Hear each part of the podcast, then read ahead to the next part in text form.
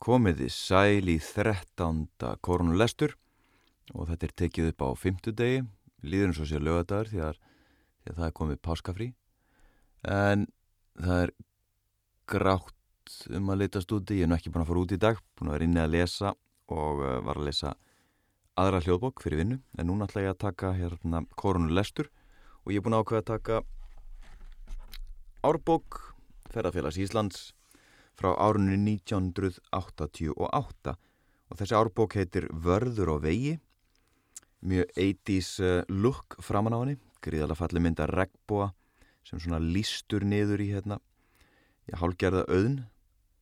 Og uh, bláur heiminn hvít bólstraski en ég held fyrst þegar ég uh, skoðaði forsýðu þessara árbókar þetta væri bókstala vörður. Bara samantekt á vörðum en hún er hins vegar fjallar hún aðalega um miðhálendið og jæðra þess til vesturs og söðurs. Og hún byrjar á greinum skakkfyrringaveg um Stórasand eftir Guðmund Jósafatsson frá brandstöðum og er það eini meiri háttar fjallögur millir landsfjórunga sem ekki hefur áður verið líst í árbókum ferðarfélagsins. Og ég ætla hérna að grýpa niður í frásögn þessari eftir mjög ítarlega uh, lýsingu á leiðinni þá hérna stekki nýri já, hvað maður að segja, svona kannski meiri mannlífslýsingu eða, eða svona sögulega uh, sögulega lýsingu á skafferinga vegi í hvað tilgangi hann var notaður. Og þá byrjuðu nú bara lesturinn. Skafferinga vegur var mjög farin til skreiðar kaupa úr hægrannestingi og húnavastingi austanverðu Þegar húnvetningar sem búsettir voru vestan gljúfur ár, sóttu skreiðundur jökul, munu þeir hafa leita meir, ef ekki engöngu, til holtavörðu heiðar. Það er víst að ímsir þeirra sem búsettir voru austan gljúfur ár fóru söður á skakfeyringaveg að miklum hluta þótt ferðinni var heiti undur jökul. Leiðaskilin hafa aldrei verið svo fast bundin við þá ársbrænu að hverki skeikaði en það er víst að til holtavörðu heiðar var leitað af ímsum, allt austur á blöndu. Leiðir þeirra er ætlu undir jökul og hinna er ætlu öllu skreiðar fanga á söðurnes, skildu litlu áður en lagt var á hálsin heima Kalmans tungu. Hjeldu þeir er vestur ætluðu, norður yfir Norlingafljót, var þá fljótstunga fyrsti bærin sunnan heiðar sem á var komið. Svo leið verður ekki rakin hér frekar. Skakferinga vegur var og farin úr þessum héröðum öldum saman til alþingis meðan það var háð við öksar á hefur oft verið all fjölmend í þeim ferðum. Þá er verðt að minna á ferðir, kaupa fólks úr verstöðum, suðurnesja til Norðurlands. Marta því fólki leitaði til hunvetninga og skaffverðinga. Til var og að þeir, sem þessara erinda fóru, leituðu allt til eigafjörðar. Einnum á nefnaferðir skólapilta að norðan. Þess má geta til dæmis að Kristján Jónsson, fjallaskáld, fór þessa leið söður haustið 1864 og þá í fylgd með kaupafólki úr eigafyrði. Í þeirri för hvað hann hinn að þekktu vísu. Yfir kaldan eigði sand, einnum nótt ég sveima, nú er horfið norðurland, nú á ég hvergi heima. Þessa sögu saði mér Sigurður Pálsson, síðast á Brenniborg í Skagafyrði. Þeir Kristján og Sigurður voru að öðrum og þriðja að fransimi og báðir fættir keld hverfingar og fóstraðir þar fram á þroska ár. Sigurður var tíu árum yngre en Kristján, ljóð, fróður, stálminnur og rétt orður. Hann hvað vísuna hafa borist norður í keldukverfi í brefi til skildmenna Kristjáns veturinn 1864 til 65. Flaug hún þegar um sveitina. Á úlingsárum mínum þekkti ég konu sem kaupavinnu sótti tólf sömur, sunnan af miðnesi og flest sömrin til skagafjardar og alltaf austur yfir blöndu. Það var áránum 1883 til 1894.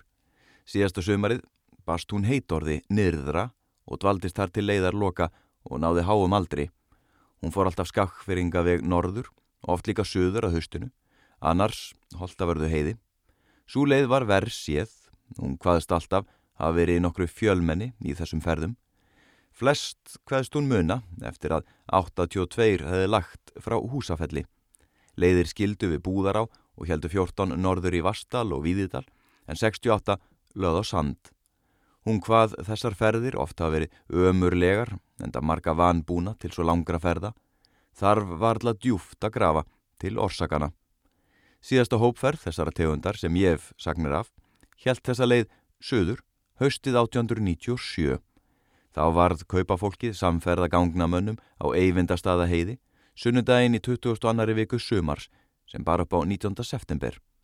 Við tjaldtól hjá blönduvöðum byðu nokkrir er komið höfðu yfir litla sand. Þar skildu leiðir og laði kaupafólki samdægus vestur yfir blöndu og hugða náttstað austan áfanga fells. Í þessari för voru 58 manns. Þessi saga var mér sögði í göngum á eyvindastaðaheiði haustið 1912. Voru sögumenn mínir Guðmundur Sigursson gangnastjóri á Fossum og Sigfús Ejjólfsson síðast á Eiriks stöðum sem báðir voru með þegar sagan gerðist. Fleiri sönnuðu mér þessa sögu síðar enda mundu gamlir gangnamenn af heiðinni, margar slíkar hópferðir. Skakfyrringavegur kemur á nokkuð sérstaðan hátt við sögu 19. aldar þó að svo snerting ná aðeins yfir skamman tíma. 22. mars 1831 var en til félagskapari Reykjavík sem hlaut nafnið fjallvega félag.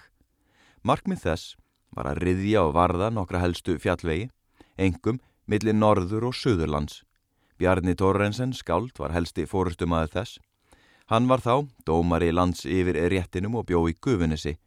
Hann hafi rætt þessi mál við vinni sína nokkur undan farin ár og sér þess merki í brefum hans, engum til Gríms Jónssonar amtmanns á Mörvöllum.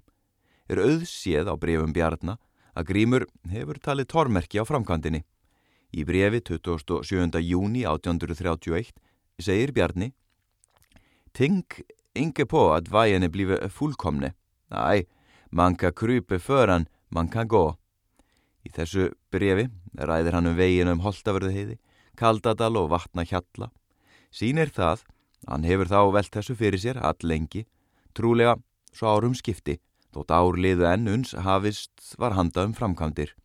Í fjallvega félagsins samþyktum frá stopn fundi segir meðal annars svo um tilgang félagsins. Félagi byrjar fyrst á að lata riðja veginn yfir sand, svo kallaðan til Norðurlands og á endurbót á vörðum og bygging á sæluhúsum ef þess gjörst þörf á holtavörðu heiði. Síðan skal það láta endurbæta svo kallaðan eifyrðingaveg og setja vörður á hann sem og einnig gjöra það frekara við aðra þjóðvegu millum norður og suður lands. Sem þess stýrandi nefnd þykir þörf á vera og loksins sjá til að vörður og sæluhús verði byggð á þeim vegi milli múla og þingjar sísluna hvar postur skalum fara á vetra dag. Sankvæmt þessum ákvaðum félagslagana varð skakkfyrringavegur fyrsta og jáfnframt stærsta viðfangsefni félagsins. Það vil svo til að til er fá orð en fyrðu glögg frásögn frá hendi fórustumanna um það sem unnið var fyrsta sömarið. Í skýrni 1833 er auglýsing frá fjallvega félaginu, dagsett í mars 1832. Þar segir, eftir að þeirra var sagt frá sæluhúsi og vörðu hlæðslu og holtavörðu heiði, sem einnig var unnið þetta sömar. Þar fyrir utan riði nefndin tvo menn og leta pilt með þeim til að riðja sand og byrjuðu þeir verksitt hjá Surtshelli og fenguðu rutta hérum halva þingmannaleið vegar og var þar í sá alþekti Þorvalds háls hvern víða var það fylla og stjetta svo færi yrði en vegurinn átti allstaðar að vera tveir faðmara breytt og verkið svo af hendi leist að nú má að sögn eins af nefndarinnar limum skeið ríða þann kapla af norður vegi hvar varla mátti áður áfram komast fót fyrir fót. Þessir erfiðis menn voru á samt með einum léttapilti að verki þessu á tíundu viku og er ekki að undrað þeim varð ei meira ágengt þegar aðgætist breytt vegarins og að þeir víða urða sprengja upp og velta grjóti, fylla hól urðir og stjetta. Til eru kostnaðareikningar yfir vegagerðir fjallvega félagsins fyrstu þrjú ár þess, 1831, 32 og 33. Fyrst árið er unnið í nýju og hálfa viku við skakfyringaveg en í fjóra vikur á Holtavörðu heiði. Annað árið unnu tveir menn, einn leta drengur, áfram við skakfyringaveg og voru að í tólf og hálfa viku. Þriðja sömarið voru þeir fjóra vikur á skakfyringavegi og einnig voru tveir menn í sjö vikur að riðja veg fyrir okk. Það ár var einnig kostan okkur til ruðnings á vatnahjallavegi Á þessum þremur árum nam reikningsfærður kostnaður rúmlega 1220 ríkisbankadölum og þar af að varið um tveim þriðjulhutum til skakfyrringa vegar. Lengra ná reikningar fjallvega félagsins ekki, svo að mér sé kunnugt, að minnstakosti byrtir skýrnir, ekki fleiri. En þeir sína glögt hver stjórn félagsins, en þeir sína glögt hver stjórn félagsins taldi skakfyrringa veg mikil sverðan. Í auglýsingu félagsins sem dagsett er 28. februar 1833 kvartar stjórn félagsins um þraungan hag og þess vegna voguðum við er ei að ráða fleiri en tvo menn og einn pilt til að starfa að fjallvega bótum á næst liðnu sumri og látu við er þá byrja sem hinnir höfðu hætt á norðurvegum en það hefur þeim vonum fremur tekist svo nú er vegur ruttur allt frá surtselli næstum að holmakvísl, sunnan við sandfell. Á skakfyringavegi hefur því tekist að ná frá surtselli norður að skamma á þessum þremur sumrum. Leiðin frá Skammá til Holmakvíslar er að vísu hluti af Grímstungu heiðarvegi og er svo ráðstöfun skiljanleg að víkja svo frá eiginlegum skakfyringavegi. Þeir eru við Skammá, síðla sömars, var þá óvænlegt að ráðast til allu við ruðningi við sand, gróðurlausan með höstveður yfir höðu sér. Grímstungu heiðarvegur var viðráðanlegri en það ærið að vinna þar. Sér enn fyrir því verki Tveir kaplar skafferingavegs bera enn nokkur merki þessa áræðis fjallvega félagsins, þótt nú séu litlu metin. Hinn fyrri er stórisandur. Þegar fyrst var fristað að aka bifrið yfir hann, satt Guðmundur Jónasson frá Múla undir stýri, en Lárus Björnsson, bondi í grímstungu, fór fyrir ríðandi. Hjælt Lárus hinn að ruttu leið og komst Guðmundur svo tafa lítið að Lárus þurfti fullu til að kosta að verði ekki til trafala og var þó að völdum gripum. Naut Guðmundur þar mjög við hins fórnaruðnings, kom þar kvortleggja til. Leiðin er hins stista sem fengin verður, en það reyndist ruðningurinn furðu mikill farar greiði, þótt meir en öld væri liðin frá því verkið var unnið og hjálpar gögn öll frumstæð og fátækleg. Hinn kaplinn er Þorvalds háls, þó Þorvaldur Tórótsen gefi honum þá engun sem áður er getið og víst með réttu, mun óhætt að trúa því sem stjórnfélagsinn saði um hann 1832 að hann varð miklu mun greiðfærari við ruðningin. En tönn tímans hefur gunnauðað með ærtnum árangri á stærri og veiga meiri verkum en þessari frumstæðu og veiga litlu tilrönn til vegagerðar á örafum Íslands. Skakfyrringavegur hefur orðið frægur í bókmentum okkar þótt óbeinlinni sé. Líklegt er að Jónas Hallgrímsson eigi þar dríkstan þáttinn Hann fór þessa leið sumarið 1828. Hinn fágæta og fáaða perla, ferðalók, hefur ættíð síðan verið tengt þeirri för og fyrst og fremst vegna hendingana greitti ég þér lokka við galtar á. Sannleik þeirra mun engin Íslandingur hafa viðfengt til þessa og hvæðið efst á Arnavats hæðum ef að fáir að tengt sér þessari leið. Ég hef áður lagt fram rauk fyrir því að vísan Yfir kaldan eiðisand sé kveðin á stóra sandi og lætu næja. Þó er enn ótalið stórbrotnasta skaldverki sem skakfyringavegi er tengt og til mín hefur borist. Stóri sandur eftir Einar Benediktsson. Fyrsta erindið er hljómar svo. Ég minnist, minnist þeirra dýrða daga. Ég, drengur, reyði stórum hópa fjöllin. Við fórum sand og sent á blönduhaga. Við settum tjöld í þyrpingi við völlin. Ég láfi skör en mann ég móðu niðin, þó mörgu lífsins ár nú séu liðin, og þreytt og sifjuð höfuðu löði nakka, en hestabit og trafk við fljótsinn bakka. Fleira þarf ekki að lesa til, fullvissu, um hvar stopnin í því fágeta meistaraverki er vaksinn. Því verður tröðla neitað einar, hafið með kvæðinu, reist veglegan minnisvarða við þessa fjölförnu leið, sem Íslandingar áttum aldir millir norður og söður lands. Líklegt er að hans í hlaðin, laungu eftir að förin, var farin og leiðin því farin að falla í glemsku þegar hveði var, en hvaði byrtist fyrst 1924, þegar einar stóð á 60. Verk einars heldur sinni tegn þótt gödurnar á leiðinni séu ímist að blása upp eða grónar, nema hvort fekja sé. Hugmyndin var nú að renna svolítið um, geist yfir þessa bók, svona stinga niður hér og þar Ehm, næsti kaplu og eftir er Húsafell, Geitland, Kalmannstunga, Hallmundar, Hraun og þá kemur náttúrulega í hugan Pall og Húsafelli, Snorri Björnsson, Prestur og Húsafelli, ehm, merkir karakterar og aðtiklisverðar sögur. Kalmans tunga, uh, eitthvað var nú að segja mér að Jón Kalmans er frá Kalmans tungu og það eru svona þessi aðteklisveru nöfn, Kalman, Bergman og svo framvegis. Er þetta ekki bara tilefni til uh, símtals til eldri ættingja, spjallum ættarnöfn og fjölskyldunöfn og svona. Það er bara ein, ein hugmynd. Uh, þetta landsveið er að minnst okkosti 400 ferrkilometrar, það er efst í borgarferði og næri við landaregnir Húsafells og Kalmanstungu og Geitland. Mikill hluti Hallmundar Rauns er í Kalmanstungulandi nema neðsti hluti þess fellur undir bæina í Króknum, mest megnis Gilsbakka og Fljótstungu. Efstu mörkin eru við jöklana Ók og Langjökul en Eiríksjökull er allur í landaregn Kalmanstungu sangat afsalsbyrjifi frá 1398. Borgarfjardar hér að er að mestu litu tertjér landmyndun með ávölum jökulsortnum línum. Þegar stemt er til fjalla og kemur inn á þetta svæði sem nú á að lýsa, ger breytist landslægið. Hér er móberg, líparít og grágrít í fjöllum, sem fjöllin eru eins og að eilifu böðuð í solskinni. Tungan og reyðarfell eru þannig. Eiríks jökull er með bröttum hömrum og, og brottdóttum gnípum, strútur og hafursfell eru ávalari og með enginni móbergs fjalla. Við áttum mikil hraun, skóar og vassmiklar kalda vermslis ár, príða þetta fjölbreytta og undurfagra land. Vitið hvað, með bækurins árbækur ferðarfélagsins sem er stútfullar af uh, áhugaverðin fróleg er ansi erfitt að hoppa yfir hitt og þetta.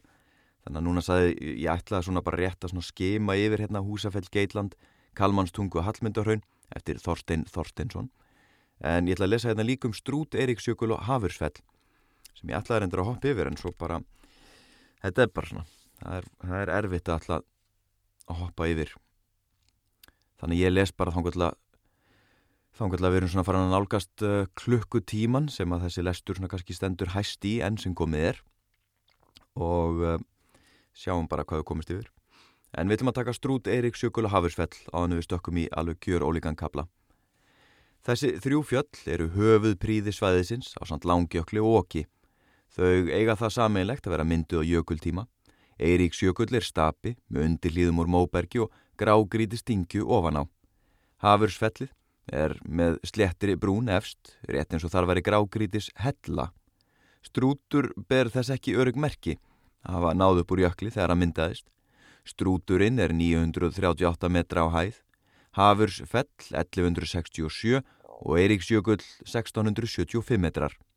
Undir hlýðar Eiríksjökuls eru næri 1000 metrar á hæð og bendir það til þess að jökullin hafi verið nálat þeirri þygt þegar fjalli var að hlaðast uppur honum í síendur teknum gósum. Ef strúturinn hefur myndast á söpuðum tíma, hefur það staðið í járnum að hann hafið náð upp úr jökli. Strúturinn er upp mjótt fjall og ber eflust napsitt af því. Hann er úr Móbergi nema innskottslög. Líparitt innskott eru suðvestan í fjallinu. Norðan við strútskollin er mikil kvilt í fjallið sem geti verið leifar af fórnum gíg. Vestan í gígbarminum er hæð með flötum kolli sem sést víða að og heitir Lampafell. Móbergið í fjallinu er ekki vasshelt og þess vegna skoppa þær engir lækir niður hlýðar. Nokkur gil eru í því en þau eru oftast þurr. Bæjarlækurinn í Kalmanstúku kemur þó úr grunnu gili sem er í slakka vestan í strútnum. Norðaustur úr fjallinu er djúft gil sem er kallað draugagil. Það nær upp í gíin og er grund efst. Svo grefur það sér niður í 100 metra djúft gil. Út úr þessu gili er svo nokkura metra breytt gljúfur. Það er 20 minúnda gangur að skriðu vagnum framann gilsins inn í botn gljúfursins. Þarna gefur að líta bólstra berg, 20 metra á þygt og í bland eru risa bólstrar sem eru eins og stóra dökkar rósir í bergveggjónum. Jarðfræðingar kalla risa bólstra bergrósir. Innstinn í gljúrunu er lítil útvíkun sem er nálat 10 metrum í þermal. Þarna endar gljúrið í þvernýpi. Svo djúft er það að hvergi nærri er full bjart þó að dagur sé. Í berginu í gljúfur botninum er ein af bergrósunum, eins og fegursta. Sumir segja að hún sé eins og alltarist tabla í þessari húm dökku neðanjarar kapellu. Sko þótt að ég hef oft komið þarna inn eftir, komið í húsafell og, og farið uh, í Into the Glacier, manngerða, manngerða íshellin og svona ekki þarna um og farið í, farið í surtselli.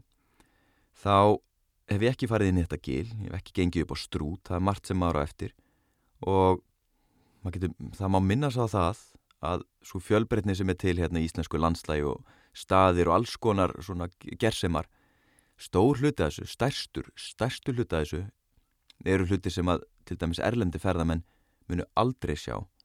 Túrismin náttúrulega er svona bundin við ákveðin svæði og við erum að tala alltaf um svona 70% fara hingað og svo bara fækkar þetta nýri sko mjög lágar prósentur þeirra sem fara uh, á önnur landsvæði, náttúrulega við erum með ringin í kringum Ísland, Suðurlandið Suðustur hotni í kringu Vatnajökul og, og svona svæði eins og Snæfellsnes og, og þarna inn, inn í Húsafell og aðri staðir. En eins og þetta gild til dæmis, meina það eru mjög, mjög fáir, ger ég ráð fyrir án þess að ég þekki, án þess að ég þekki svona uh, lokal túrisman nákvæmlega þarna, það er kannski bóðið på gönguferðir. En allavega það eru alls konar dýrgripir gerðsema sem leynast viða sem að komast ekki inn í svona þetta mainstream túristaplan langt í frá en það er áhugaverðar hellaferðir þarna á svæðinu og auðvitað gönguferðir og ýmislegt en þarna hef ég ekki komið sjálfur á það algjörl eftir Æja, áframmeðlesturinn Gróður tegir sér víða upp hlýðar strútsins Grósku mestur er hann að söðaustan, þar sem er byrki skóur. Þar heitir skóar hlýð. Byrkið fjalla mestu í maðki 1937 og hefur aldrei náð sér síðan, en þó er þar að vaksa sæmilu skóur. Að norðanverðu ná móar upp eftir hlýðunum. Leiðin umhverjast strútin er 22 til 25 kilometrar. Eirík Sjökull er tröllvaksi fjall. Um hans að Helgi Péturs, jarfræðingurinn og heimsbyggingurinn kunni. Eittið fegursta fjall á landinu er vist Eiríks jökull. Skínandi jökulkvelvingin er svo há og regluleg. Annaðins fagra kvel er ekki að sjá á neinöru fjalli. Hamra stallurinn út undan jöklinum svo hár og brattur. Öll gerðin á fjallinu er slík að áhorfandunum kemur til hugar einhver goða eða jötna höll. Slík sem segir frá í snorraðetu nokkur skonar breyðablík.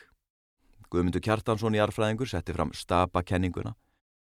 Bólstraberg er neðst í fjöllum sem verða til við góðsundur jöklum eða sjó. Þegar vastþrýstingurinn er mikill, sundrast kvikan ekki þegar hún vellur upp, heldur vinst upp í bólstra. Þegar vastþrýstingurinn minkar, sundrast kvikan í salla og þar verður sandsteinn og mulningur. Þegar fjallið vex upp úr jöklunum, fara að renna raun sem mynda först berglög og dingja hlæðst upp. Eiríksjökull er dæmi um fallegan stapa, undir hlýðar eru móbergi, hamrabalti úr grágríti og raundingja ofan á. Úr borgarfyrði séð er jökulhettan heil eins og snjófönn, ósprungin og yngir skriðjöklar. Þegar líður á sömar fer þó að sjást í jökul ísörönd, neðalega í bungunni. Að norðan eru ísblá jökul klungur og margir skriðjöklar. Á loftmynd sérst að norðan við hábunguna er jökullin sprungin og á skriði til norðurs. Af þessum má draga það áliktun að undir jökulhettunni sé gríðar mikil gíg skál og opinn norður úr en að sunnan sé jökullin þunnur, allt upp á hájökul og gíg skálinn taki ekki við fyrr. Ekki var vitaðun sprungur í jöklunum, sunnan við hákollin, fyrir fyrir fáum árum en þá fór að bera sprungum áður en upp var komið, svo að nú er vissar að hafa alla gátt þegar gengir á Eiríks jökul. Í árbók ferðarfélagsins frá 1962 er líst leiðum í kringum Eiríksjökul og upp á hann og verður það ekki endur tekið hér en nokkru auki við. Skýt henni inn í bara smá einskoti, þetta er náttúrulega alveg það merkilegasta við árbækurnar hvað þar eru margar og hvað eru mörg svæði og hvers mikill fróðuleikur er þannig að það er svona skemmtilegt þegar bara hægt er að vísa í ártal þar sem hægt er að kanna betur ákveðin svæði eða eða, eða hluta þess eins og hérna leiðir í kringum og upp á Eiríksjökul. Jæja, en áfram. Raundingjan sem jökul kvelið er á er austanvert af fjallinu. Undir hlýðarnar mynda langan hala til vesturs, séður söðri og norðri. Venjulega er gengi á Eiríksjökul upp með austurbakka gils upp á stallin, en svo er halin kallaður. Hamrabeltin eru sumstaðar kleif, allt austur í flósaskarð, en þegar lengra dregur í norður úr flósaskarði er jökull allt fram á kletta hingi flugin og þar er það hvers manns bani að villast fram af og ógengt upp. Ferðafélagi endi til ferðar sumarið 1985 þar sem gengi var á jökulin á hefðbundnum stað upp af kvítar drögum en á leðinni niður var tekinn stefn á flósaskarð. Þar var sæmilegt að komast niður nálat Þorstein Snúk en þó var bratti til verulegra óþæginda. Þorsteins Núk nefndi ég, eftir Þorsteini Jósefsinni, sjá árbók 1962. Hafursfell heitir svo og uppdrætti Íslands, en það er einnig kallað Havrafell og er það ef til vill upprunleira. Nú er það frekar nefnt Hafursfell á húsafelli, en fram á mín uppvakstar ár var það eins oft nefnt Havrafell. Í Kalmanstungu er orðmyndin Havrafell ríkjandi enn í dag. Fjallið er við hliðin á Eiríksjökli, samvaksi í langjökli, en gnæfir þó yfir jökulbunguna. Línur þess eru með tveimur smá bungum þar sem fjallsbrúnin hallar til norðurs úr sveitinni séð, en ekkin á háfjallinu er bein. Ef til vill eru bungurnar, hafrarnir sem fjallið drefur nafn af, vestan undir háfjallinu er fönn sem aldrei þiðnar og mun hún vera í rústum gíks. Grítt er og harta ganga á hafursfell, þó eflaust sé bæði holdt og skemmtilegt að koma þanga upp, meta flestir meira að ganga önnur fjöll í kring. Ég veit ekki hvort grágrítis klöpp muni vera á ekkinni beinu og fjallið þar með stapi. Sömu sögur að segja um hafursfellið og hinn fjallin tvö, Eiríksjökul og Strút. Móbergi er ekki vasselt og þýngir lækir, aðeins þurrgil er á stöku staði í hlýðum þess. Þó er gil á milli fjalls hnjúkana á einum stað og eftir því rennur jökul vatn. Þetta er Havra gil og er það eina jökulkvíslin sem fellur til kvítár áður en hún og geita á falla saman. Haraldur Mattiasson lýsir í Árborg ferðafélagsins frá 1980 um langjökuls leiðir, gönguleið, bak við Hafursfell eftir jöklunum. Er svo leið á milli Flósaskarðs og Geitlands og lætur hann vel af henni. Já, þá skulum við stökka aðeins áfram. Eins og ég segi, manni líður stundum eins og maður sé að fremja helgispjöll, fletta hérna yfir Hallmundarraun, hverslas er þetta? Hérna er Geitland, mynda Barnafoss í Kvíta þar sem að fram að þessu hefur verið gríðalegu ströymur ferðamanna eða allan að þó nokkur. Svo er svartargljúur í Geitlandi þar sem hættir að hoppa yfir, hoppa yfir ána, þröngt, þröngur farvegur, svo er það kalmanstunga. Þetta er ekki viljandi gert, þetta er ekki gert með ráðnum hug þar sem ég ákveð stundum að bara stinga niður, stinga niður, grípa niður í texta. Eða kalmanstunga, getur bara sagt að við uh, lesum, lesum þennan kapla uh, í tilöfni að útgáðu nýra ljóðabokar Jóns Kalmans, þau ekki bara láta það vera ástæðina. Kalmanstungu er getið í landnámu. Kalman söður eiskur að ætt nam land fyrir vestan kvítá á milli og fljóta Kalmanstungu alla og svo allt austurundur jökla sem grösuru vaksin og bjó í Kalmanstungu. Síðan kemur frásögna byggð sem ílt er átt að sjá, en sonarsonur Kalmans var Bjarni sem deildi við Rolf hinn yngra um tunguna litlu.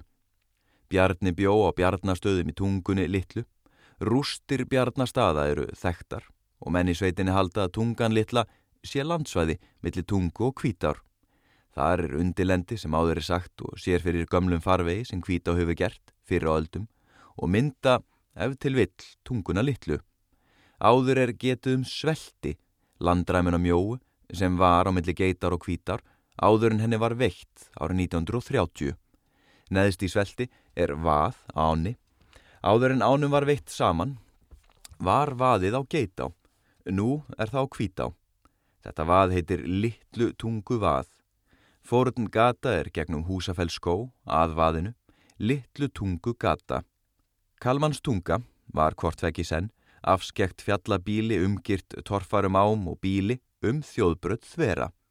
Á vetrum var ófært þangað, langtímum saman. Allt fram yfir aldamót var þar stöður ströymur ferðafólks, jafn skjótt og fjallvegir urðu færir um Kaldadal og Arnavats heiði. Þessar leiðir fórunar allir sem áttu leið millir Norðurlands og Suðurnesja eða Suðurlands. Fóru þar bæði skakkfyrringar og húnvetningar, svo sunnanmenn sem fóru norður í þessi héruð. Frá Kalmanstungu eru nær 70 kílometrar í Borganes og 116 kílometrar til Reykjavíkur um Kaldadal. Landaregn Kalmanstungu er líklega um 200 ferkilometrar, mikill hluti, ógróin möllu, háfjöll, jöklar og hraun. Þó eru þar víðáttu miklir hagar og skólendi, tún og engjar. Allt til 1882 var öll Arnavats heiði í landi jarðarnar en þá seldi bondin þremur bændum í Hálsarreppi og Reykholtsdalsreppi heiðina. Árið eftir seldu þeir hann að sveitarfjölum Hálsárrepps og Reykholtsdals. Kirkja var í Kalmanstungu meðan pressetur var á húsafelli. Það er undur að gesta nöyðin skildi ekki verða ábúendum um megn og jörðin fara í eyði. Vafa löst hafa þeir selt greiða til að standast átróðningin og landgæði voru mikil og þess vegna hafa þeir komist vel af. Silungsveiði og Arnavatseiði var bændum á mörgum efstu bæjum í hýraðinu, drjúur bjargræðisvegur, ekki síst á húsafellu og kalmanstungu. Margir merkir ábúendur hafa setið jörðina. Sama ættin hefur verið þar síðan 1858. Kristleifur hefur sett spurningamerki við þetta ártal úr byggðum borgarfjæðar uh, fyrsta bindi síða 55-73 þegar þángað flutti Stefan Ólafsson að finni þjóðkunnu Steffensenætt. Ólafur, sonur hans, bjöðu í Kalmanstungu eftir hann 1930 taka sinir Ólafs við búi að honum látnum og síðan hefur verið tvíbili í Kalmanstungu og oft búið stort. Útsýni frá Kalmanstungu er mikið. Langjökull, Þórisjökull, Hádegis fellin og okk eru í söðri. Nær eru mósvartir sandar geitlandsins og grátt geitlands hraunið. Vestar sjást skói prítar borgirnar og fjöllin litlu á húsafelli og húsafells skóur. Við bæjar vekkin rennur bæjar lækurinn út úr djúpum grónum farvegi og til norðausturs, östurs, hækkar landið í átt til strútsins. Fyrst í brattri grasbrekku Strúturinn gnæfir svo í östrunu og sjálfur Eirik Sjökull sérst ekki allur fyrir strútnum. Í norðir er lágur háls sem ferðamenn aldana komu og fór eftir, sem er tósandi lest á eftir sér. Nokkrir laus ríðand á byggjum, aðrir fleng ríðand á gæðingum. Í mínu minni var ferðamannaströymurinn af heiðinni og kaldadal, þorrin, en leitamenn á leið á Arnavats heiði og veiðimenn fóru aldrei framhjá. Leiðin frá húsafelli að Kalmanstungu er 6 kilometrar, mátuli leiðmill áningastada þegar farið er á hesti. Það var kallað að fara framhjá þegar menn fóru hjá gardi án þess að gera vart við sig. Á milli 1950 og 1960 voru bílfarar brýr, gerðar á Norlingafljót og Kvítá, svo hægt var aðka að Kalmanstungu með góðu móti. Bara alltaf sína smá sangirni hérna hafa þetta svona jamt, þá lesum við um húsafell líka. Þetta eru svona þessi tvö helstu helstu bæjarnöfn sem árið komast uh, á svæðinu þó húsafell sé vissulega uh, í meiri alfara leið þessa dagana Húsafell. Landaregn húsafells er millir geitar og deildargils og svo eins og hagar ná upp til jökla. Þetta eru 100 ferkilometrar á að giska ef miðaði við að kind geti tínt strá í sig upp til vatnaskila á Kaldadal og sem næst upp til fanna í okkinu Um það má svo deila hvað orðið hagar merkir. Þetta land er að miklum hluta urð og grjót með grastoppa í skjóli og geldingan hnappa og melskriðna blóm á stángli. Sjálfur dalbotnin með húsafells skói er gróður sæll og fjalls hlýðarnar eru grónar upp til ekja og víðáttu mikið graslendi eru uppi á fjalli. Svipaður að segja um gesta nauð á húsafelli og í kalmanstungu Húsafell var að vísu ekki í þjóðbröðinni fórnu, Arnavats heiði Kaldidalur, en þar á móti var gististaður ferðamanna miklu fremur með hlýðinni með selfjalli í Húsafells landi en í Kalmans tungu. Komu ferðamenn og ofanað Húsafelli þegar þeir voru búin að tjálta. Húsfellingar urðu að þóla það, óbætt að hestar ferðamanna nöguð upp besta graslendi jarðarnar. Eftir að þjóðilegum Arnavats heiði laðist niður upp úr síðustu aldamótum var sveipaður ferðamannaströymur í Kalmanstungu og Húsafelli fram til 1930. Þá varð bílvöður færum Kaldadal og var í tvö ár eina bílfara leiðin millir Reykjavíkur og Norðurlands. Á þeim árum var gífilög ströymur ferðamanna um Húsafell að sumrinu og bílvöðurum Kaldadal hefur æsíðan auki ferðamannaströym á Húsafelli. Húsafells er að litlu getið í fórun sögum. Hins vegar var þar prestsettur frá 1170 til 1890 og margir húsafells presta voru merkir menn. Já, hérna er stjarnar, þannig að sjá, það er verið að benda á sagt, aðra heimildir. Sjá um húsfellinga í bók Kristleifs Þorsteinssonar úr byggðum borgarfjörðar, fyrsta bindi. 1598 til 1601 var Jón Þorsteinsson prestur á húsafelli. Hann var prestur í Vestmannum þegar Tyrkir rændu þar 1627 og urðu Tyrkir honum að bana í ráninu. Hann var gáfumadur og skald og voru sálmar hans í miklum metum Síðustu 194 árin sem Húsafell var prestsetur frá 1615 til 1809 voru þar sjö prestar. 1616 til 1654 er Grímur Jónsson prestur á Húsafelli. Á leiði hans var sett hella úr rauðgríti úr bæjargilin á Húsafelli með grafskrift á latinu. Þessi steitn er allur hins smeklegasti og vel varðvittur og er nú í forkirkjun á Húsafelli eins og aðri legstinnar gamlir. Þá varð Helgi, sonur hans, prestur frá 1652 til 1691. Helgi vann það afreg 1664 að fara í Þóristal með Byrni Májísinu Stefánsinni, presti á Snæ Ólfs stöðum og er til lýsing þeirra af ferðinni. Þar að meðal í eiginhanda riti sér að helga í landsbókasapni. Um þetta má lesa hjá Haraldi Mattiasinni í Langjökuls leiðum. Í þá daga var slík landkönnun afreiksverk, menn byggustu útilegumönnum og ímsum ókunnum háska ef farið var út fyrir smalaðir og alfara köttur. Nú efnir ferðafélagið til dagsferða í Þóristal og þykir engum mikið. Feðgarnir Haldur Árnason og Sigvaldi Haldursson, báðir mætir menn, voru prestar frá 1696 til 1756. Þá tekur við Snorri Björnsson sem frægastur hefur orðið Húsafells klerka. Hann andaðist 93 ára, 1803. Hann var skáld gott, smiður og íþróttamaður mikill. Færði hann til stórgríti og gerði út því kvíjar sem standa enn í dag og ofan við túnið á húsafelli. Snorrið það gaman af aflraunum og í því skinni valdi hann stóran hellu stein, 180 kílogram af þyngd og hafði við kvíjarnar. Hellan er til enn og er kölluð kvíjahella. Þeir voru amlóðar sem gáttu liftinu upp á stein í kvíadýrum, halv sterkir sem kom henni upp á stóran stein í miðjum kvíavegg að norðan og full sterkir sem gáttu búið helluna í kringum kvíarnar.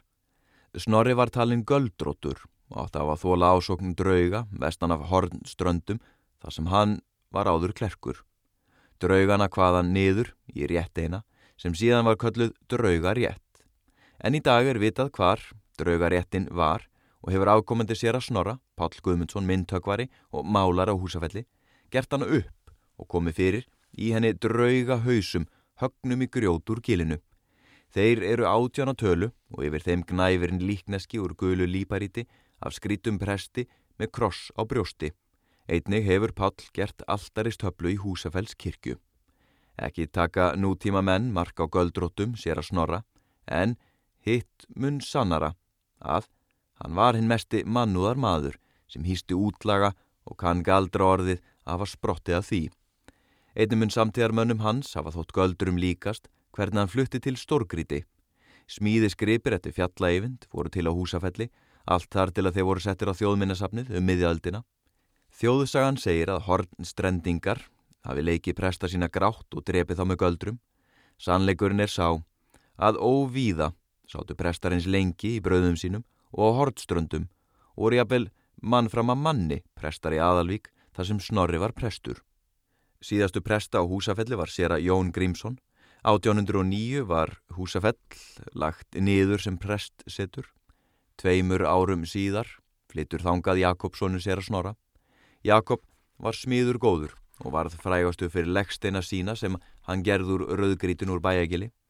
Margir sínir hans urðu smiðir Tveir þeirra gerðu leggstein úr grjótun úr bæjargili, Þorstein sem bjó húsafelli og Gísli sem bjó í augastöðum.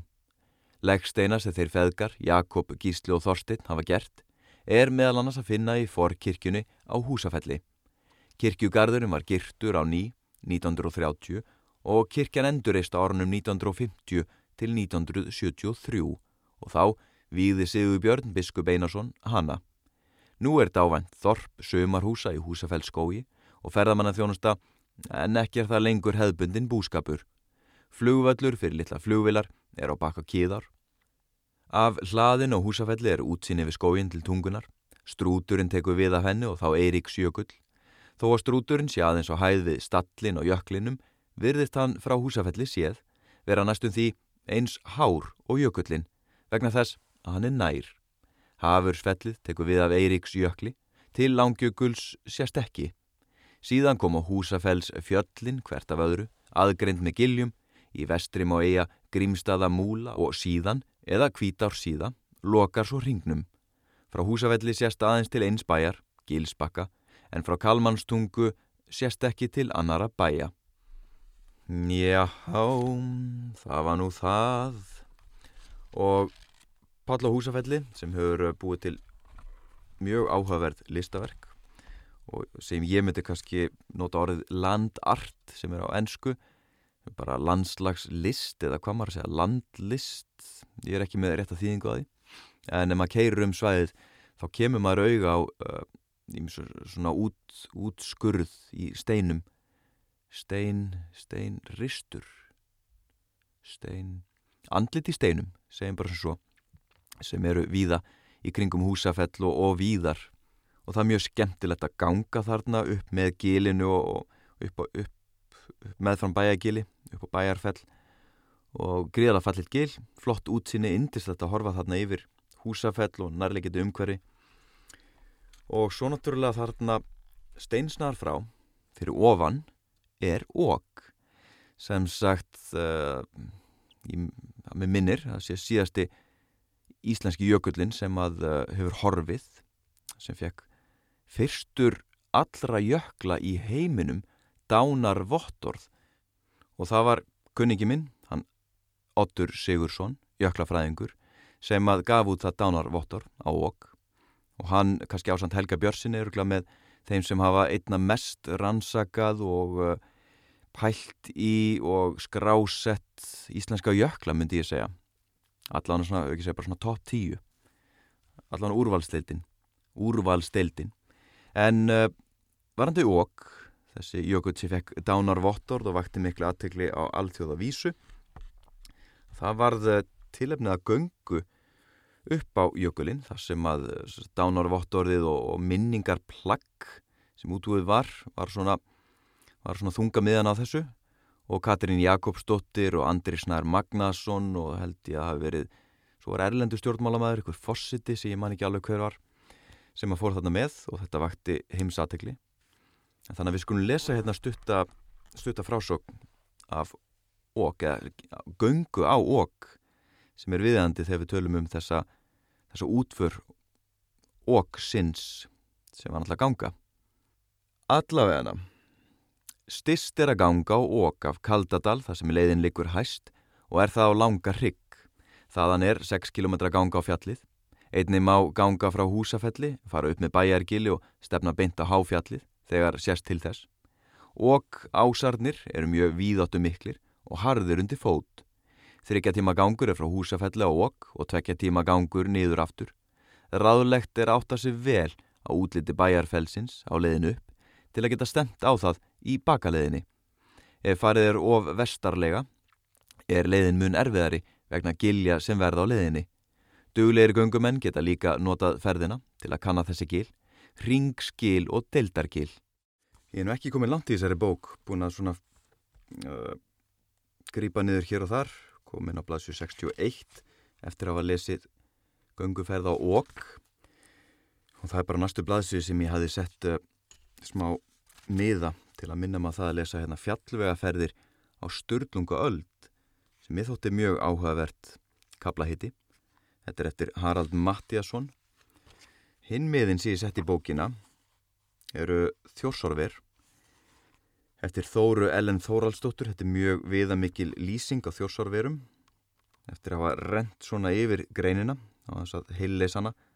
Þá sá ég nú ekkert hérna sérstaklega rætt um uh, virkjanir. Það er svona það sem að margir auðvitað þekkja í umræðinum þjórsárver svo er hann alltaf líka gæsirnar, gæsavarpið og merkileg flóra þessar svæðis skingst um, skingst um verin breytingar á farvegum kvíslana jarðvegur, grunnvatn og lindir, helstu ár og kvíslar kvísla veita, byrjum við kvísla veita, jú, kvísla veita. Með því að veita vatnin í Þórisvatna rennur það í gegnum þrjár virkjanir við Sigöldu, Rauneafoss og Búrfell. Í stað Búrfells virkunar einnar áður. Rennslinu er ekki stjórnað og verður vassborð hinn að nýju vatna stöðugt eins og er í náttúrulegum stöðuvatnum með afrensli en ekki breytilegt eins og í miðlunar lónum. Framgandum við fjórða áfanga, kvíslaveitu minni, lauk haustið 1985. Sangat fymta áfanga, kvíslaveitu meiri, á að stípla þjórsá sjálfa á mót við Arnafell, en, en, 1988, þegar þetta er ritað, hefur ekki verið byrt áallunum hvenar í það verður ráðist. Kvíslaveitu vötnin eru nú fjögutalsins, þrjú lítil og eitt stort og eru þau tengd með djúpum skurðum.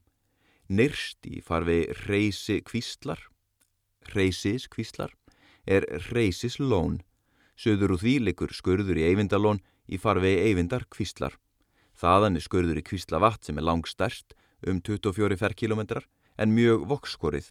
Strandlínan þræðir hæðirnar í um 605 metra hæð í ótal nesjum og töngum en krækir inn í laðirnar á milli. Út í vatninu mynda hæðirnar nokkrar eigjar og má greinlega sjá bílaslóð eftir einni þeirra endi langri.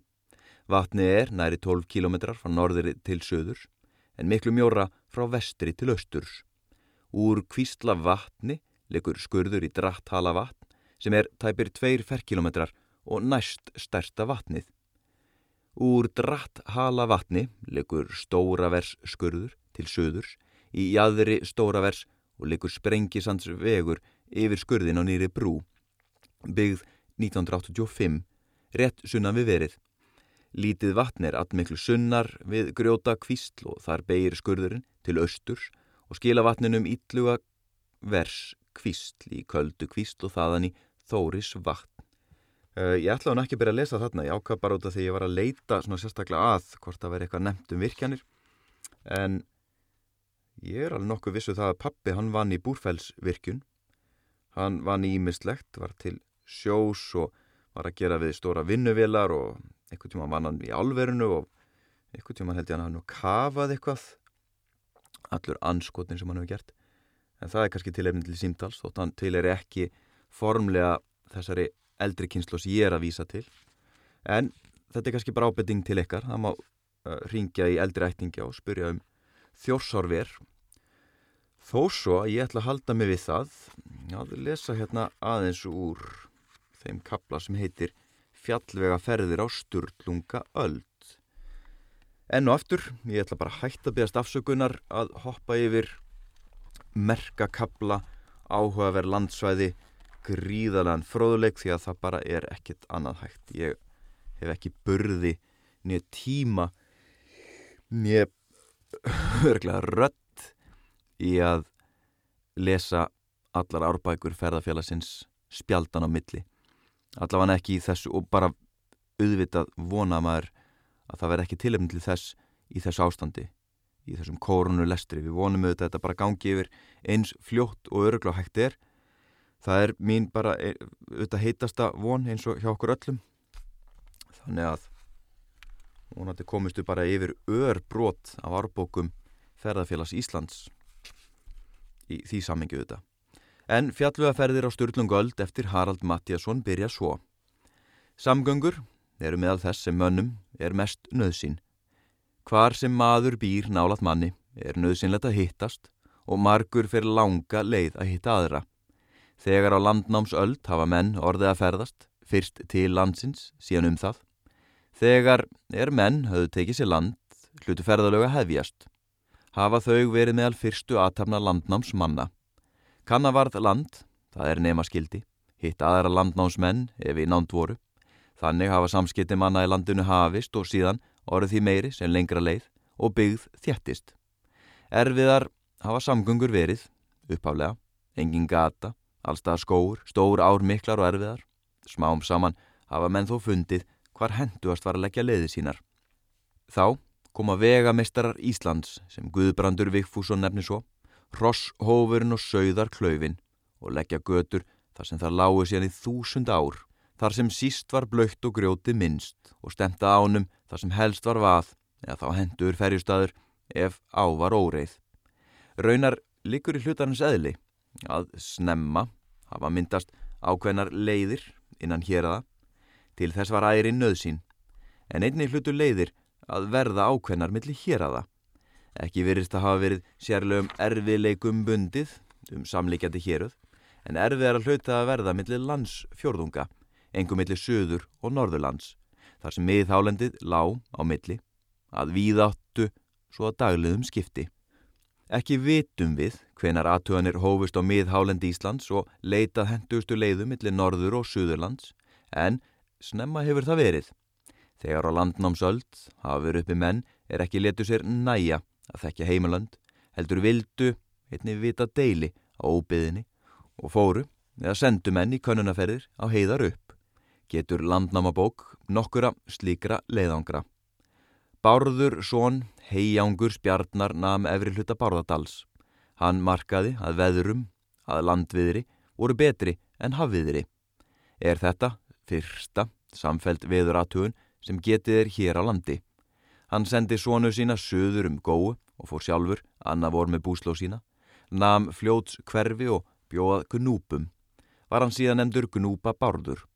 Landnámabók getur um óbyða könnun þryggja landnámsmanna í Skagaferði. Það voru þeir Rosskell í Svartadal, Vjekkjell, Ham Rammi að Mælifelli og Eirikur í Góðdölum.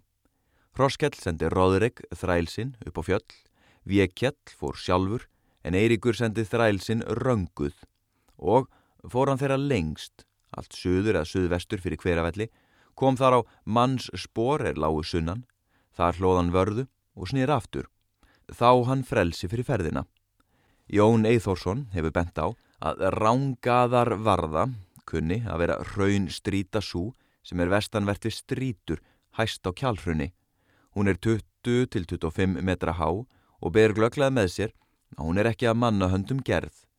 Þó kynnið að vera að sá sem hana sá í nokkrum fjarska, teldi hana manna verk.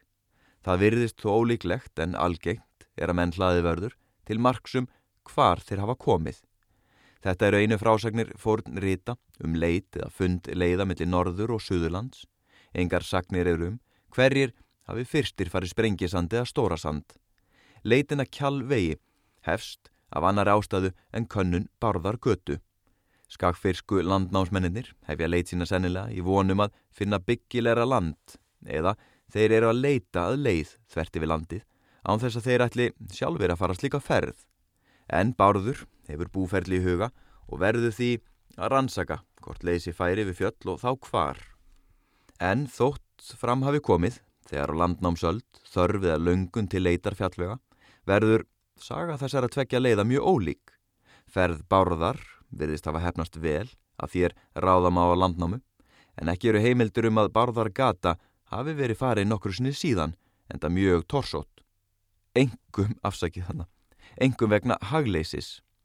Má segja að þar sé full komin hagleysa að minnst okkartu tvöfalt lengri veg en á sprengisans leið. Hins vegar reyndist kjálvegur, besti fjallvegur millir söður og norður lands. Ekki er vita á hvað árum þessar könnunarferðir hafi verið farnar en líkur mæla með að Bárðargata hafi verið könnuð nokkru fyrr en kjálfögur. Guðbrandur Vigfússon telur að gnúpa Bárður hafi verið með fyrri landnámsmönnum. Svonarsonur hans er landnámsmaður í Mývasveit. Hins vegar telur Guðbrandur að Eirikur í Góðdölum hafi komið til Íslands í setna lægi. Hefur hann sennilega verið allmiklu yngri en Bárður enda tengdasonur landnámsmanns Þorðar Skekkja. Varðla er vafi á að þegar á landnámsöld hafi fundist allir helstu fjallvegir er síðan voru farnir öldum saman enda var það nöðsín að þá þegar væri allir vegi þekktir því að við lok landnámsaldar er alltingi stopnað og er þá riðið þings úr öllum héröðum landsins. Östfyrringar og vestfyrringar hafa farið með byggðum, húnmenningar sennilega Arnavatseiði og Tvídæru en norrlendingar, aðrir, fjallvegina sem liggja yfir miðið hálendið, sprengisand og kjöl, ef til vill einnig stórasand og kaldadal. Kjálvegur hefur löngum verið sá fjallvegur sem mest var farinn millir Norðurlands og Suðurlands. Hann er tiltölulega greiðfær og hagar hafa verið nægir. Talið er að fyrrum hafa verið samfelt graslendi yfir kjöl. Sjálfsagt hefur ekki allt land þar verið gróið, til dæmis hefur kjálraun sjálft víða verið ógróið, en utan með hefur gróður verið og enn eru þar víða góðir hagar. Hér verður kjálvegi ekki líst nákvæmlega. Gerist þess ekki þörf. Hefur það verið gert í árbók ferðarfélagsins 1971. Aha. Aðins skal tekið fram og er þó raunar óþart að kjálvegur er miklu meira en kjölur einn. Hann nær milli byggða, hefst að norðan á mælifellstali í Skagaferði, liggur upp í óbyðina, vestur yfir blöndu, söður kjöl, aðal leiðin lág yfir kvítá, skamt neðan kvítar vats, síðan austan undir bláfelli og til byggða í biskupstungum. Einni var farið upp úr Eyjafyrði og vestur á Kjálveg, en fremur úr Húnavats síslu, söður auðkúlu heiði. Sunnan kjalar má fara af aðal leiðinni, austur yfir jökul kvístina, austan kvítár, fram hrunaman afrétt og er þá komið niður á tungufelli. Þetta er svo leið sem reynist að að menn fóru í sinni hinstu för höstið 1780. Eitt sinn lág leið og hann við kvítar vatn hefur þá verið farið af aðaleðinni nokkuð fyrir sunnan minni þjófadala út yfir fúlukvísl, austan við hrútfell, söðu með fellinu og vestur með því að sunnan. Þar er kofa tóft á einum stað og vita menn ekki deili á henni en hún kynna að vera leifar af sæluhúsi á þessari leið. Síðan hefur verið farið fram úr fróðadal og undir hlýðum leggjabróts, gengur vatnið fasta brekkurótum og einum stað er all mikill skortningur inn í brekkuna. Þar hefur verið gerð nokkur vegar bót, hlaðið í skortningin og er þar meir en eins metra hár vegkantur. Þá hefur leiðin leið þar vestur yfir hálsin og vestur brekkuna ofan við Karls drátt. Má finna þar götu, sé vel að gáð. Er hún hulin fjalldrap á lingi Nú gengur jökull, svo nendur norður jökull fram í vatnið og er þar margra metra hátt jökull stál. Vestan skriðjökulsins tekur við skriðu fell og er þar sumstar snar bratt fram í vatnið, svo ekki verður komist þar í fjöru eins og nú er. En skjallegar heimildir eru fyrir því að eitt sinn var þarna færi leið og fjö reki þar til fjalls. Ekki vita menn hvort þarna var fært á þjóðveldisöld, en leiðin lagðist af um 1800 er sagt nána frá þessari leið í árbók verðafélagsins 1980. Suðvestan við Kvítar vatn er feikna mikil góðstingja sem nær upp í jökul, nefnist hún Skalpanis. Fram yfir hana hefur leiðin leið og má reykja þar vörður, hefur stefnan verið austan við Sandvats hlýð, en þar likur eifyringa vegur af kjálvegi sunnan við skjálbreið til Þingvalla. Ekki er að efað undir jöklunum og skriðu felli hefur verið alfara leið meðan fært var og mátti þá losna við að fara yfir kvíta á vaði sem hefur ætti verið erfitt og að lokum varð áinn þar óreið svo að fara varða báti. Sprengisands leið liggur frá Bárðardal en leiðir liggja á hana að norðan úr þingjar síslum, eigafyrði og skagafyrði. Sunnan Sands var mennuleg leiðum eyvindaver út yfir þjórsá og sól eigjar höfða vaði, síðan fram gnúveri afrétt, vestan þjórsár og niður í þjórsardal. Ef þjórsá var ófær á sólegar höfða, var stundu farið yfir þjórsár kvíslar, út hjá Arnafelli, Arnarfelli afsakið, og þaðan á venjulega leið niður með þjórsá. Einni mátti fara vestur með hofsjökliða sunnan, úti í kvítar nes og er þá komið á kjálveg. Farið var austan þjórsár, væri förinni heiti í Rángarvallasíslu, sprengisandur má hitta góður yfirferðar, mestmægnis melöldur, en allur sandurinn algjörlega hag laus og eru um 70-80 km millir grasa. Engar sögur er um hvernig leið um sprengisand fannst eða hverjir fóru þar fyrstir. Þriðja leið lág millir landsfjórðunga. Það var stóri sandur, var lagt á hann að norðan eftir sömu leiðum og þegar farið var um kjöl og komið niður í kvítár síðu. Einnig var farin tvít dæra og Arnavatseiði millir Húnavarsíslu og Borgarfjörðar. Helsta leið millir Borgarfjörðar og Suðurlands var um Bláskóa heiði verður síðar sagt nánar frá henni, einni ímsum heiðum millir annara hér að það. Ekki er að efa að alla þessar leiðir hafa verið farnar og söguöld, jafnvel landnámsöld. Ætíð hafa menn þurft að fara millir bæja, sveita og hér að það og hafa þá allar þessar leiðir verið tíð farnar, nema barðar gata. Við stopnun alþingis hafa langferðir aukist stórum, bæðum byggðir og fjallvegi, eru miklar frásögur af slíkum ferðalögum í Íslendingasögum en verða ekki ræktar hér. en hins vegar rætt nokkuð um óbyðaferðir á Sturlunga öld. Sama hversu spennandi það er að ræða um óbyðaferðir á Sturlunga öld þá ætla ég að segja þetta gott úr korunlestir dagsins, nummer 13. Ég er orðin sársvangur og nokkuð þreyttur eftir mikinn lestur í dag á ímsöfni en nokkuð sem kom í hugan að ringja í eldri ættingja og spyrja um hálendisferðir, tengst við hálendi og sko ég veit að, að þegar við tölum um eldri kynsluðana þá eru margir auðvitað, ég meina skrifstofólku Reykjavík og, og uppaliði Reykjavík og, og þessi svona eitthvað megin sveita romantík sko, ég er af ströndum og hitt og þetta. Gott og vel, það er ekkert allir með einhverja beintengingu út á land en ég menna hugsiði bara um ferðalög. Og spurjist þið líka fyrir um forfeður. Að það er alveg sem að hvað þú ert í heiminum. Það eru forfeður og það eru forfeður og formæður auðvitað, það eru sögur og það eru ímislegt sem á spyrjast fyrir um. Og þar á meðal bara uh, ferðir forfeðra um hálendið. Aldrei að vita nema eldri kynsluðin hafi heyrt sögur af því þegar að afi þeirra, langa við þeirra hafi farið einhverja einhverja svona ævintir að för yfir hálendið eða bara hverstaslega för, fara á alþingi eða slíkt. En uh, ég ætla líka að benda ykkur á annan þátt ég bjóð til sem er podcast þáttur þar sem að ég fjallaðum ferðmanns þetta var Afi Afið að langa við góðvina minns Árna Más Sturlusonar og þátturinn er þarna undir þeir heita Stories from the Atlantic undir podcast á svavar.net og þar er svo sagða svo sagasögð rækila og það var hálendisför beint yfir hálendið að norðan uh, til söðurs og hún var farin vegna ástarinnar. Ég ætla ekki að segja meira. Þetta er ótrúlega falleg saga og ég vona að hún sé bara skilmerkilega og skemmtilega sögð í þeim þætti og man ekki alveg titilnánin akkurat núna 250 km af ást eða eitthvað slíkt en podcast er á ennsku en uh, ringið í eldri ættingi og spyrjuð um hálendið. Einfalt. Þetta er ekki skipun, þetta er tilmæli og fyrir utan það þá bara segja annars bara verið blest. Takk fyrir hlustunna. Og vonandi hlustuði aftur á síðar lestur. Það er daglegu lestur meðan að þessu ástandi stendur. Já, og að lokum. Núna er ég farin að lesa svolítið meira upp úr árbókonum.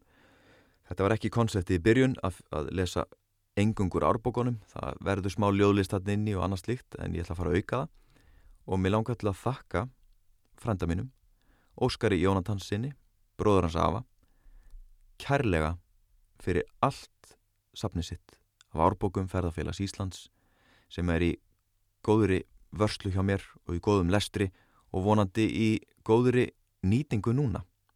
En þessi ritt hafa verið með endalus fjársjóður fróðleiks og bara ánægu og ég þakka þér kella fyrir, elsku Óskar ef þú skildi vera að hlusta á þetta.